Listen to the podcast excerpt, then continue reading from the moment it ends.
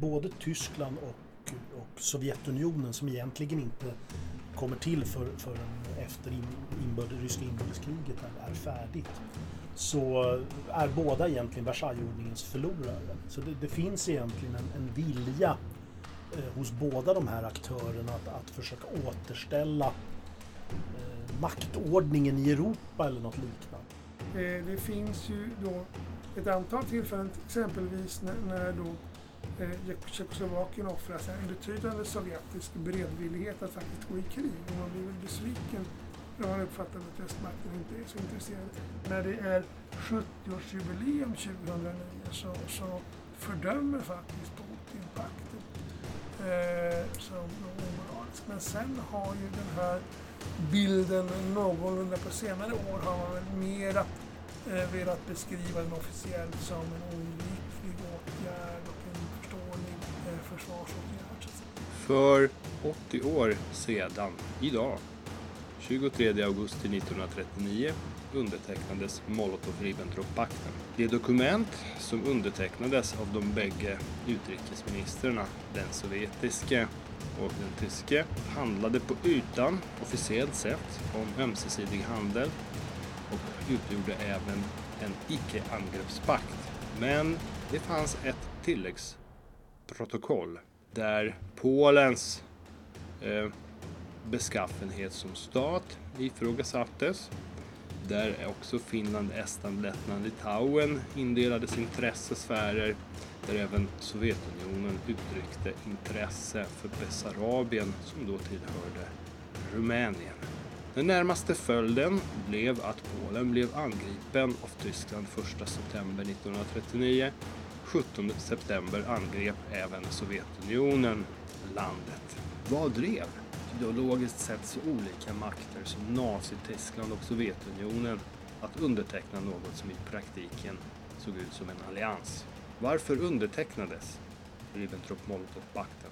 Hur kommer man ihåg pakten i de berörda länderna idag och hur används den i inrikes och utrikespolitik? Om dessa ämnen samtalar Fredrik Eriksson och Gunnar Oselius från militärhistoria på Försvars högskolan. Nu vänder jag mig till Fredrik Eriksson. Molotov-Ribbentrop-pakten. Varför träffades den? För att förstå kontexten omkring eh, Molotov-Ribbentrop-pakten så måste vi egentligen gå tillbaka till första världskrigets slut och den situation som uppkommer eh, omkring vapenstilleståndet och hösten 1918 med de sammanfallande europeiska imperierna inbördeskrigen eller frihetskrigen beroende på hur man vill kalla dem. Uppkomsten av nya stater i Europa. Eh, vi har också Nationernas förbund som, som kommer in som en aktör egentligen i, i, i politiken i tiden omkring krigsslutet. Och det man kan säga om, om, om, om just eh, Versailles-problematiken när det gäller eh, Molotov-Ribbentrop-pakten och följderna längre fram under 1930-talet är ju att med Versailles så skapas en nyordning som under 1920-talet eller fram till kanske egentligen mitten av 1920-talet ännu inte är, är eh, satt satt. Den är inte färdig utan den, den formuleras under tiden med just nya stater som bildas och, och, och uppkommer egentligen i konflikt mellan avtalets huvudtecknare då, Tyskland och, och eh, det blivande Sovjetunionen. Så det, det, är den situationen vi måste eh, förstå att, att eh, en, ett nytt läge inträder egentligen med eh, Versailles och Versaillesfrederna.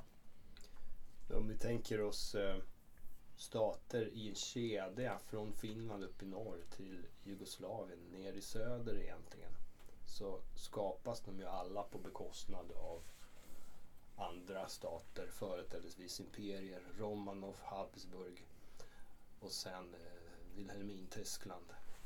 Det här kan inte bara eh, inte lämna några spår utan det måste vi framkalla rimligen någon form av vilja från dessa förlorares sida att revidera gränserna, återställa vad de ser som rätt färdig ordning. Ja, det, det, precis som du säger, den, den, den, stora punkten här är ju egentligen att, att både Tyskland och, och Sovjetunionen som egentligen inte kommer till för, förrän efter inbörd, ryska inbördeskriget är, är färdigt så är båda egentligen Versaillesordningens förlorare. Så det, det finns egentligen en, en vilja eh, hos båda de här aktörerna att, att försöka återställa eh, maktordningen i Europa eller något liknande. För att, för att, så att båda är, är förlorare.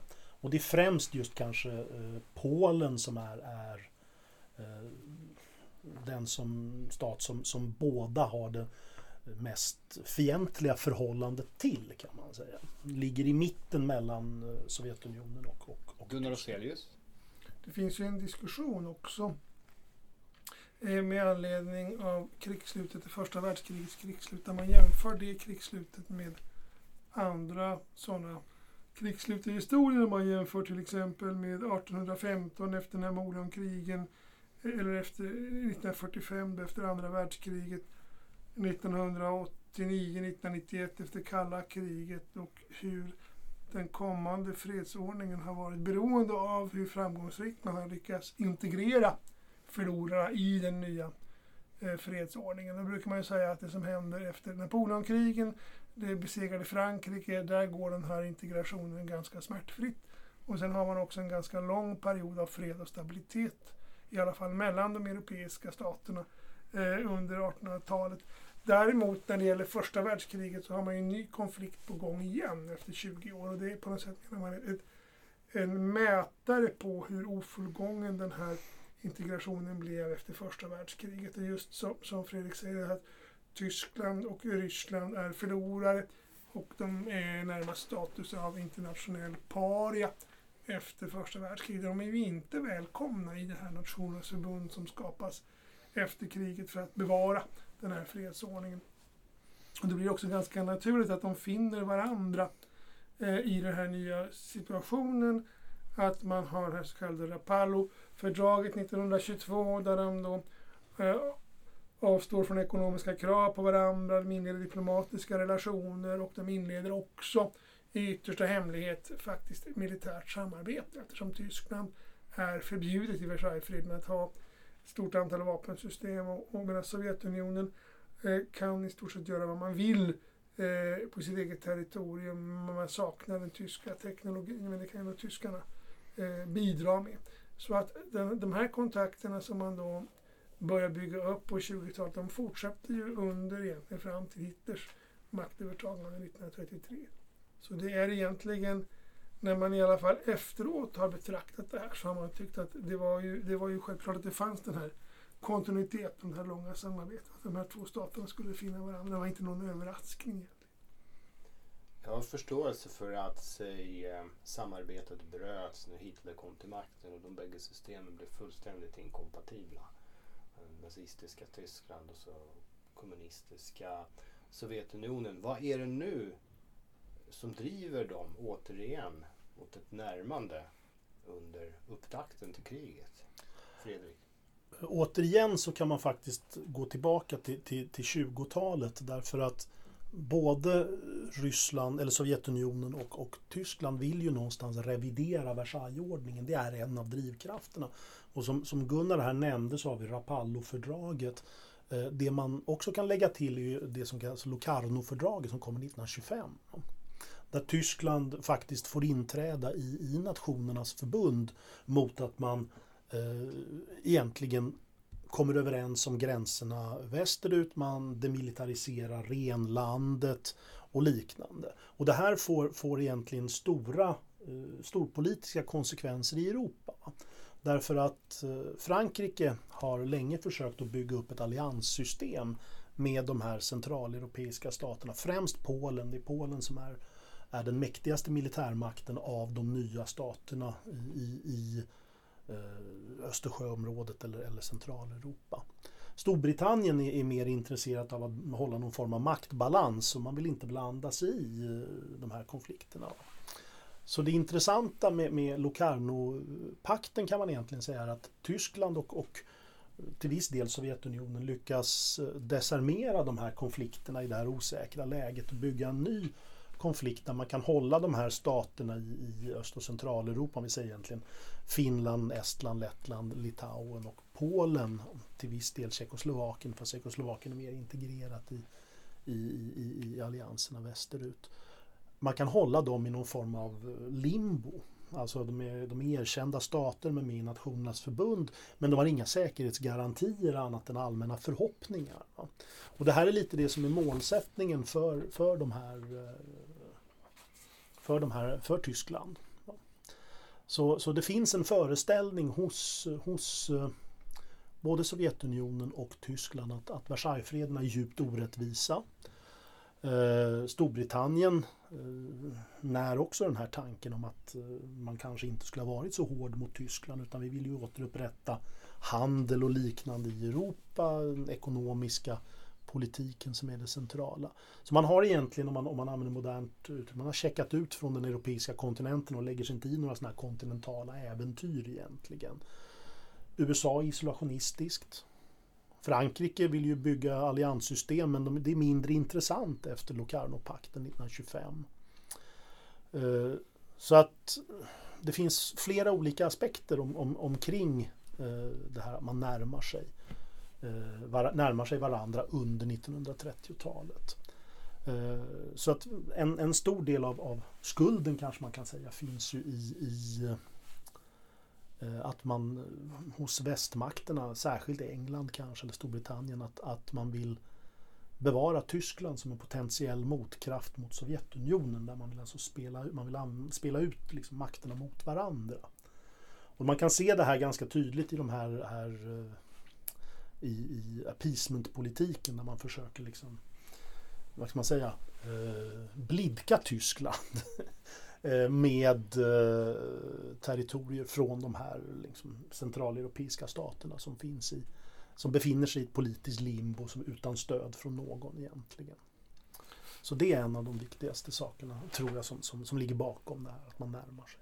Det är viktigt att komma ihåg också att eh, det finns eh, betydande mått av, av kontinuitet i den tyska politiken också, från Weimartiden in i, i Hitlertiden.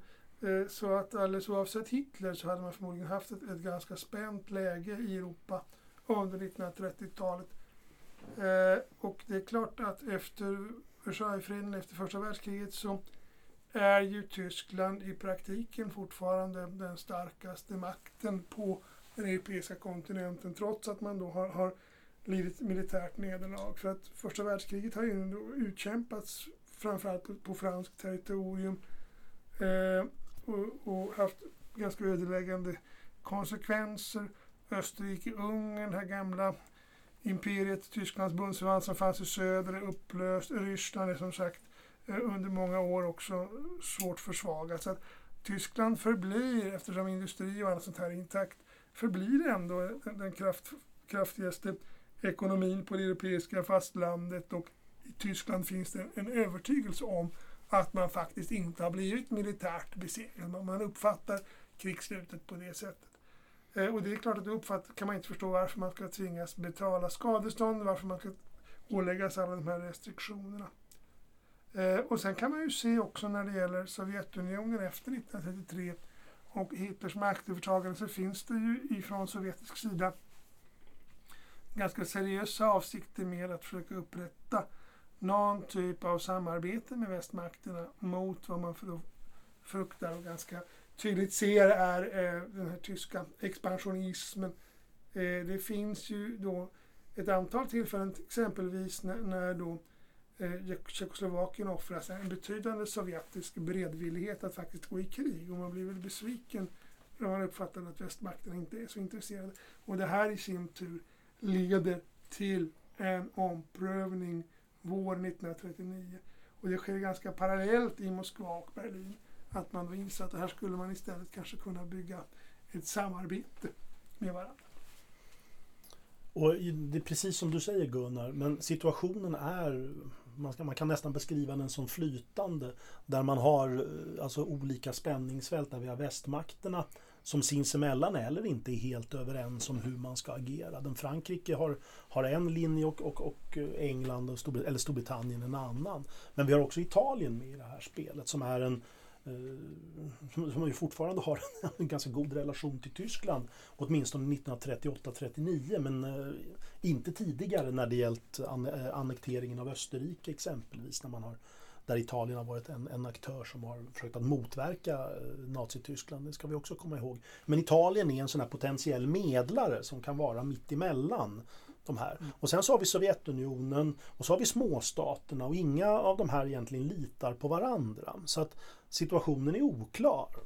Men man kan också se Molotov-Ribbentrop-pakten som, som, en, som en ganska naturlig följd för, för, för, Tyskland och Sovjetunionen att faktiskt sluta sig samman trots att de egentligen är ideologiska motståndare. De är ju egentligen ideologiska huvudmotståndare också för den delen.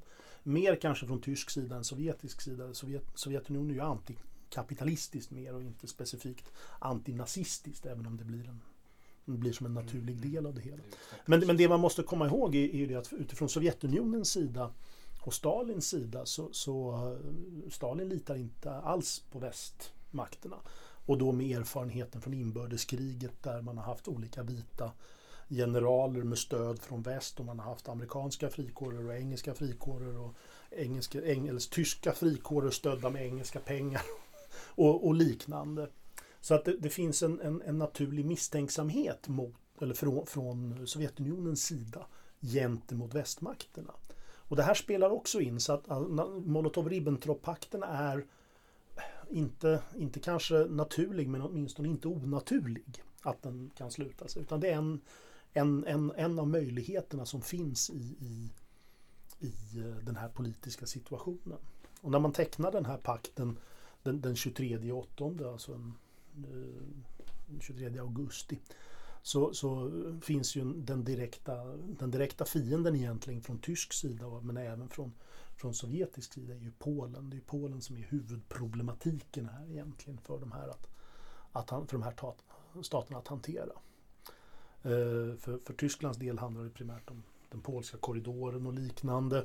Men eh, från Sovjetunionens del så har man ju eh, litar man ju absolut inte på Polen. Polen, i, I Polen så vilar liksom reaktionen, eller vad man ska säga, reaktionens krafter. sen kan man ju då historiskt koppla det här tillbaka till 1700-talet och Polens tre delningar som äger rum mellan, mellan Ryssland, Preussen och Österrike. Och det här är naturligtvis en, en eh, det existerar också då, alltså, i, polackernas minne, men det, det är också lite eh, påfallande alltså, att den här geopolitiska mönstren tenderar att, att upprepa sig som de gör. Ja, det brukar ju sägas att eh, Polen var en sammanhållande kitt i den så kallade europeiska konserten med Ryssland, Preussen och mm. Österrike. Det var ju som Polens icke-vara som var ett gemensamt intresse som, som mm. höll de här i relativt hyfsade relationer.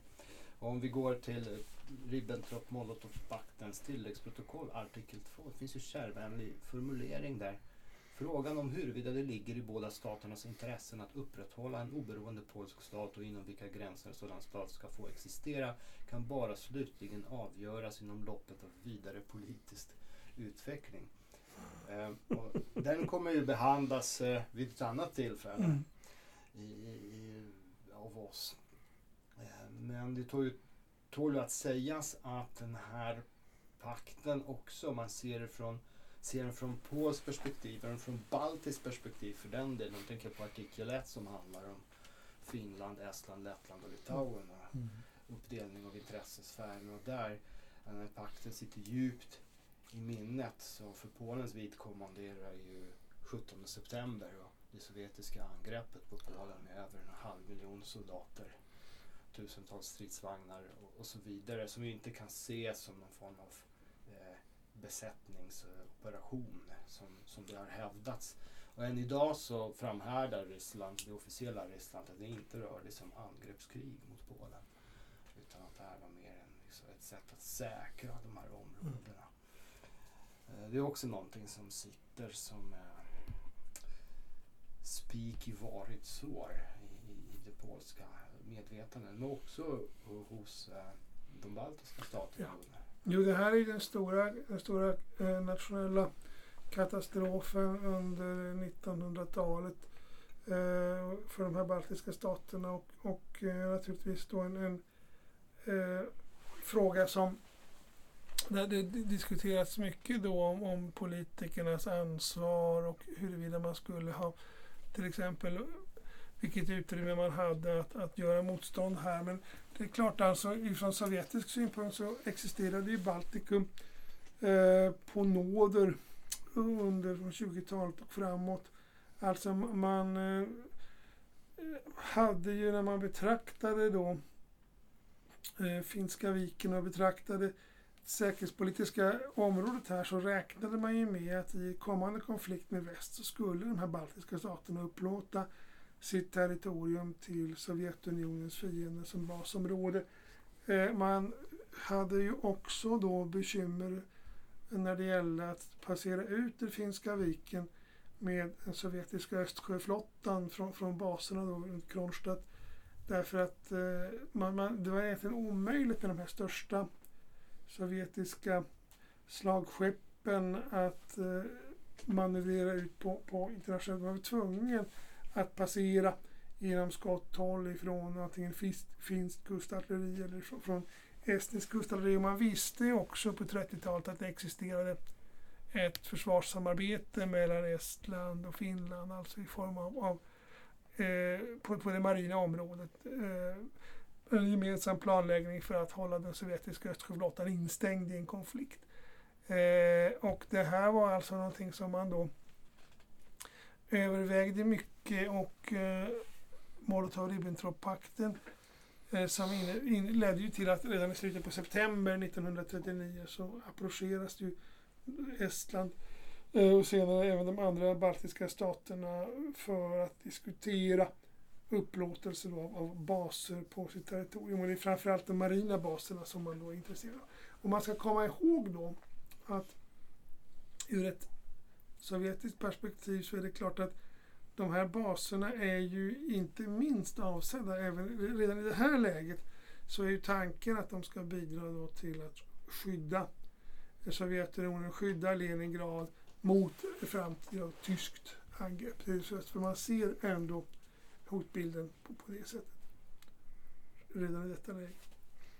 Eh, absolut, precis som du säger Gunnar. Det, men det finns väldigt många olika intressanta aspekter i det här eh, när man tittar just på Estland, Lettland och Litauen. Och det är ju den, den, den uppgivenhet som egentligen den har funnits tidigare också i de baltiska staterna avseende möjligheten att bevara sin självständighet. Men när Molotov-Ribbentrop-pakten tecknas eh, och när eh, kriget har börjat och, och, och så, så, inträd, så inser man i, i de baltiska staterna att om nu Sovjetunionen kommer att kräva någonting av så kommer Tyskland inte komma till vår hjälp. Och Estland, särskilt under senare delen av 30-talet, har ju försökt att, eller tänkte sig att använda Tyskland som att, för att balansera då mellan mellan eh, stormakterna. Så om ett ryskt eller sovjetiska krav skulle komma så skulle Tyskland då möjligen komma. Lite samma tanke fanns nog i, i, eh, fanns i Lettland. Eh, Lettland var dock mer kritiskt mot, mot Tyskland kanske än, än, än, än, man var i Estland. Eh, men sen har vi Litauen och Litauen intar en specialställning här bland de baltiska staterna. Så att man ska in, det är svårt att se de baltiska staterna som en enhet eftersom man har helt olika inriktningar egentligen säkerhetspolitiskt. Och den främsta fienden även för Litauen är inte eh, Sovjetunionen utan det är Polen. Det är Polen som är det stora problemet. Även Tyskland är ett problem i Litauens hänseende eftersom Litauens främsta eh, eh kuststad är ju det tyska, gamla, gamla tyska Memel eller Klaipeda då. Och samtidigt så har Polen i, eh, ja egentligen i, i, i ryska in, eller inbördeskrigens eh, den, den, den, ordning som finns i, i det, under det polsk-bolsjevikiska kriget och liknande så har Polen eh, annekterat eller, eller ockuperat beroende på hur man vill se det eh, staden Vilna eller Vilno eller Vilnius. Så att, eh, och för, för, Litauen så är det här det absolut största problemet. Sen kan man också tillägga det att, att det, eh, det, finns ingen, eller det finns väldigt få ryssar som bor i det som är Litauen. Eh, medan det finns faktiskt ryska minoriteter i, i, i både Estland och, och, och Lettland men inte i Litauen. Däremot finns det en polsk minoritet Däremot finns det en polsk minoritet som i Litauen. Ja, ja. Så att det finns den här, den här motsättningen som man inte eh, heller ska glömma. Så att för Litauen så är Molotov-Ribbentrop-pakten inte en omedelbar katastrof egentligen. Medan det är det för, för Estland och Lettland. En intressant aspekt också det är att titta på hur den här Molotov-Ribbentrop-pakten när den offentliggörs eh, så är det, ju, det blir ju en, en, en, en chock och en överraskning. Men samtidigt så om man ser på reaktionerna till exempel i Sverige och svenska UD så kan man ju tycka att de präglas av en viss aningslöshet därför att man uppfattar att nu har det geopolitiska läget förbättrats där för Sverige och för de Mm. nordiska staterna. Därför att nu eh, kommer det tryck som man tidigare har känt mot Finland och då i förlängningen mot Sverige, det sovjetiska tryck. Det kommer att avta därför att nu är det snarare så att eh, ryssarna kommer att, att känna sig dels eh, mindre hotade av Tyskland och dels så torde deras då, eh, önskemål om baser som de tidigare framfört i Finland de önskemålen kommer snarare att riktas mot de baltiska staterna. Och I början av september när de här propåerna, i slutet av september 1939, när de här propåerna görs eh, till de baltiska staterna så uppfattar man det som att Finlands situation har förbättrats. Eh, och det var ju då en kan vi säga, felbedömning kan vi ju säga. Men, men eh, det, det är väldigt oklart hur, hur den här situationen ska tolkas. Man skulle kunna, precis som du säger Gunnar, man skulle kunna tolka den som att den svenska reaktionen är lite av en, en eh, eh, ska man säga, en försenad appeasement-förhoppning om att nu, nu har gränser, och, alltså Sovjetunionens legitima säkerhetsintressen har nu uppnåtts och nu kommer situationen lugna ner sig lite. Mm. Ungefär samma förhoppning som Neville Chamberlain eh, hyste när man, när man prisgav Tjeckoslovakien så att säga i Münchenöverenskommelsen. Alltså det finns lite den tendensen. Men utifrån en svensk synvinkel, det man måste komma ihåg är ju att senare när andra världskriget kommer igång och som vi kommer ju diskutera det här eh, återkommande i, i de här poddarna om, om, omkring andra världskriget och liknande. Men för Sveriges del är, är, Molotov-Ribbentrop-pakten längre fram ett reellt problem. Den absolut värsta mm, tiden egentligen som finns i, i, i svensk utrikespolitik det är eh, efter vinterkrigets slut 1900, under vår mars 1940 och egentligen eh, fram till eh, Sommaren 41. sommaren 1941 med Operation Mm. Barbarossa. Och då ska vi då komma ihåg att under det här så har också då Danmark och, och Norge ockuperats av Tyskland. Vilket innebär att Sverige är helt inringat. Nazityskland och, och Sovjetunionen är i allians med varandra och har delat upp närområdet mellan sig. Västmakten har inte gjort några större försök att, att, att, så att säga, besegra eller, eller någonstans hjälpa. Eh, Så att för svenskt vidkommande är det här djupt problematiskt. Det här är en oerhört problematisk period när man är helt prisgiven i stort sett. Mm. Det, det förstår Men det man inte i en, början. det förstår man absolut inte i inledningen. Men det är det här som i förlängningen kommer Mm. att, kommer att bli följden. Men om vi, om vi går till de här staterna som drabbas omedelbart under Mm. september, oktober 1939. Och jag, jag zoomar in på Polen som jag ju kan bäst eh, av de här staterna. Eh, så lever ju det här, alltså minnet av eh, pakten och av eh, angreppskrigen ska man kunna säga i september 1939 från tyskt och från sovjetiskt håll lever ju kvar så tillvida att det diskuteras att eh, Polen står sig bra när, när vi är rustade och starka. Och vi kan inte förlita oss allt för mycket på allianser och överenskommelser. Därför ska vi spendera över 2% av bruttonationalprodukten på försvaret. Eh, Och därför ska vi upprusta och modernisera Försvarsmakten. Det är någonting som återkommer i debatten. Så, så hänvisar man ännu Mm. längre bort tillbaka i tiden till polsk-bolsjevikiska kriget. Va? Se, det där ordnade vi också på egen hand. Vi blockerade av Tyskland och av Tjeckoslovakien liksom från hjälp från Frankrike med en handfull franska instruktörer och trashangsarmé och med vis ansträngning och moral, moralisk kampvilja så, så fixade vi eh, den här svåra situationen som uppkommer sommaren 1920 innan man vänder kriget. Eh, så att eh, jag undrar om ni har eh, kommentar om situationen i baltiska staterna.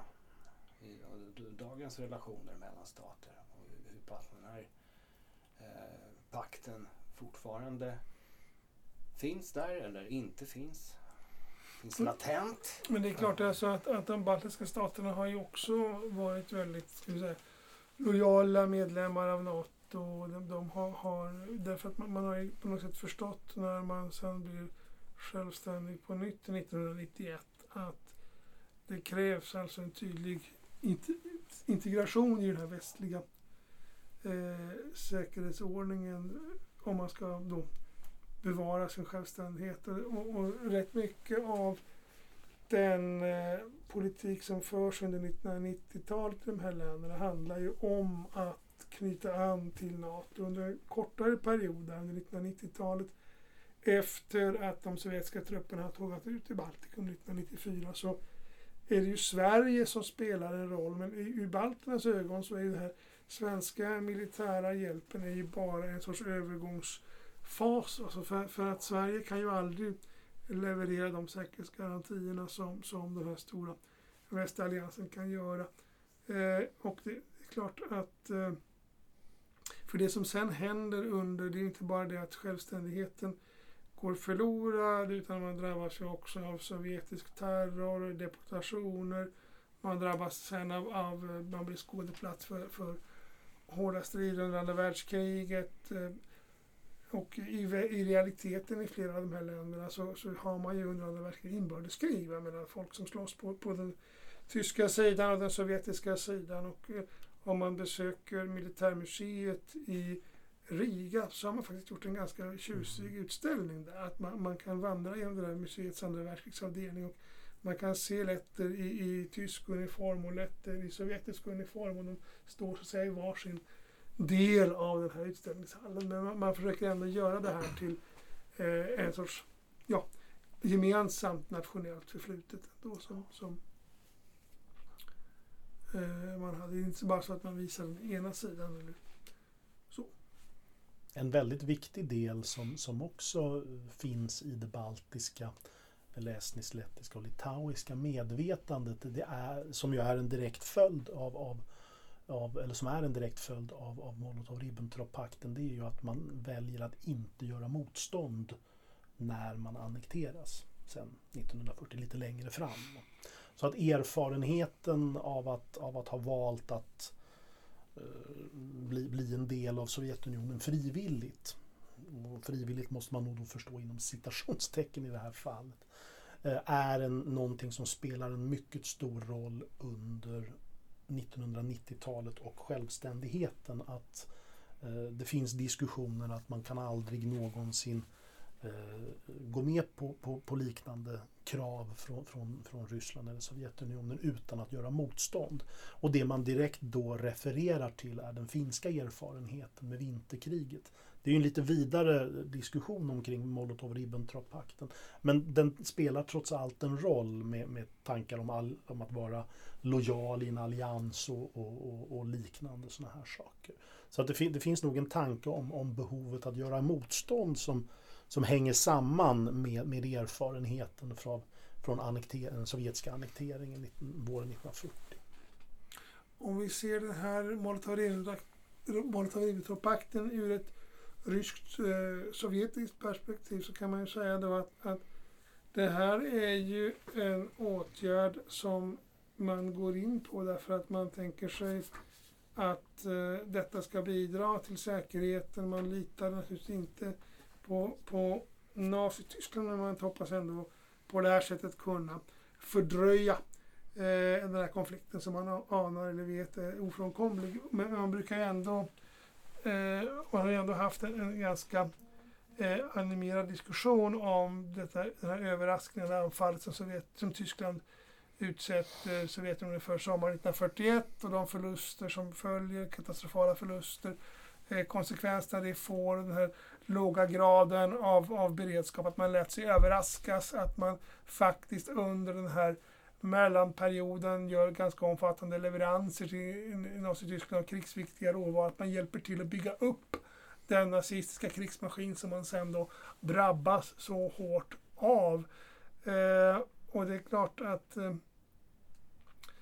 det, det, det, finns ju i, i detta naturligtvis en, en, en diskussion. Men efter kriget så var ju det här, det blev ganska snart en, en del av det kalla kriget. När Molotov-Ribbentrop-pakten eh, utifrån då tyska källor eh, publiceras av det amerikanska utrikesdepartementet och, och Sovjetunionen eh, vägrar att, att, så att säga, kännas vid det här och beskriver det som förfalskningar. Och egentligen fram till eh, 1989, det är först då som man erkänner att pakten har existerat och man fördömer pakten och sen då efter Sovjetunionens upplösning 1993 så publiceras den faktiskt också i Ryssland. Då, eh, i historisk, en historisk tidskrift. Att det finns en, vad ska vi säga, sen så kan man ju säga då att, att i de här strävandena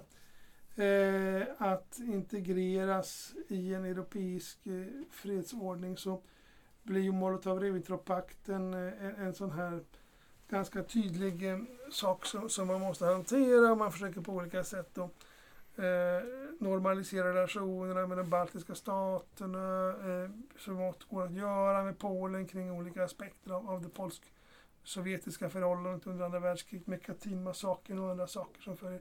Eh, och fortfarande tror jag när, när det är 70-årsjubileum 2009 så, så fördömer faktiskt Putin pakten eh, som då omoralisk. Men sen har ju den här bilden någorlunda på senare år har man väl mera eh, velat beskriva den officiellt som en oundviklig åtgärd och en förståelig eh, försvarsåtgärd så att säga. Så att det, det, det, har ju skiftat lite grann i, i, i synen på, på detta.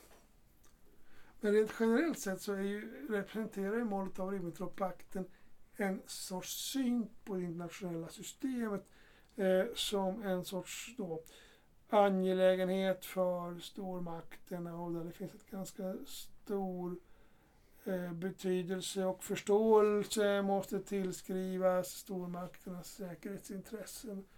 Eh, och det här är ju då en, en, en syn på det internationella systemet som man möjligen ibland kan, eller i alla fall på senare år, tycker sig kunna skönja också i den, i den ryska utrikespolitiken mot grannländer som Ukraina och Georgien.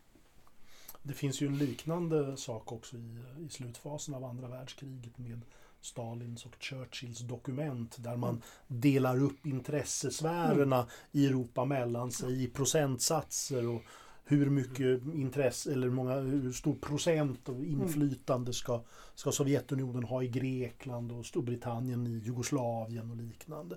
Så att det, det finns ju samma, samma typ av, av von oben-syn på, på, på Europas an, övriga stater. Va? Från stormakternas eller supermakternas sida. Och, och, USA inte minst eh, gör ju samma saker under, under stora delar av kalla kriget. Jag tänker i, i fråga om, om Ryssland och, och någon form av, av hantering av Molotov-Ribbentrop-pakten, dess minne, så eh, har jag läst precis att chefen, vetenskapliga chefen för eh, ryska militärhistoriska sällskapet, Mikhail Mjakov, har skrivit artikel i Svestia där han skriver att det är dags för Ryssland att sluta strö aska i håret över den här pakten. Mm. det, är den här, eh, det, det, är det här eh, militärhistoriska sällskapet som bildades 2012 av Vladimir Putin för att motverka historiefalsifiering. Mm. Så det är det finns en sån debatt i Ryssland där just eh, kanske eh, som svänger så att säga, eller följer hand i hand med den utrikes och inrikespolitiska utvecklingen. Mm. Ja, det, det, man inser eh, snabbt när man, när man börjar reflektera omkring de här frågorna det är ju att, att historien är ett vapen att använda i internationella konflikter och liknande. Och då gäller det att, att försöka vad ska man säga, sätta ramarna för sin egen tolkning och få Mm. genomslag för sin egen tolkning. Och det är därför vi kan se just det som Gunnar redogjorde för här. Alltså de olika tolkningarna av Molotov-Ribbentrop-paktens innehåll där, där med den här inledande eh, sovjetiska eh, synen att det här är ju en kapitalistisk konspiration, inte har vi gått med på det här. Eh, och så vidare. Och sen så genomgår den ett antal olika transformationer. eh, så att säga. Och det, det där är en intressant aspekt. Och det här är just den ryska relationen med Polen är ju eh, alltså, vad ska man säga, infekterad av eh, frågor som rör och härrör just från, från Molotov-Ribbentrop-pakten. Vi har nämnt Katyn redan, men också den här frågan om, om att eh, när man flyttar Polen västerut på Tysklands bekostnad efter andra världskriget, just för att Sovjetunionen då ska behålla de delar man har tagit med, inte alla, inte hela, men stora delar av det man har tagit eh, Eh, den 17, med invasionen den 17 september 1939. Så att alltså Polens öde är ju, eh, eller moderna öde är ju djupt eh, inbundet i Molotov-Ribbentrop-pakten och dess följder och relationen till Sovjetunionen-Ryssland. Så det, det, det här är en, en, en problematik som är i högsta grad levande. Och då gäller det att just utifrån det, det ryska, den ryska synvinkeln, eller den polska för den delen, eh, sätta sin egen tolkning av vad Molotov-Ribbentrop-pakten betyder. Och det här är, det, det här är historiebruk. Det är hur man använder historien eh, för sin sak. Så det här är en, det är det jag menar med att historia kan vara ett vapen i vissa fall. Vi hade kunnat fortsätta länge än, men eh, det sunda förnuftet satte stopp. Vi tackar så mycket för att ni lyssnade och bjuder till vår nya serie poddar som kommer under de närmaste åren där vi kommer att diskutera olika aspekter av andra världskriget. Olika världsdelar, olika domäner, eh, operationer, krigsplanering, materielutveckling, demografiska förändringar, geopolitiska förändringar och inte minst hur Sverige försökte att ackommodera sig i den skiftande, Eh, periodvis tämligen farliga situationen. Jag heter Piotr Wawrzeniuk och är redaktör för denna podd från militärhistoria på Försvarshögskolan och säger nu adjö och tack så mycket. Vi hörs närmast den 30 augusti då vi diskuterar andra världskrigets utbrott.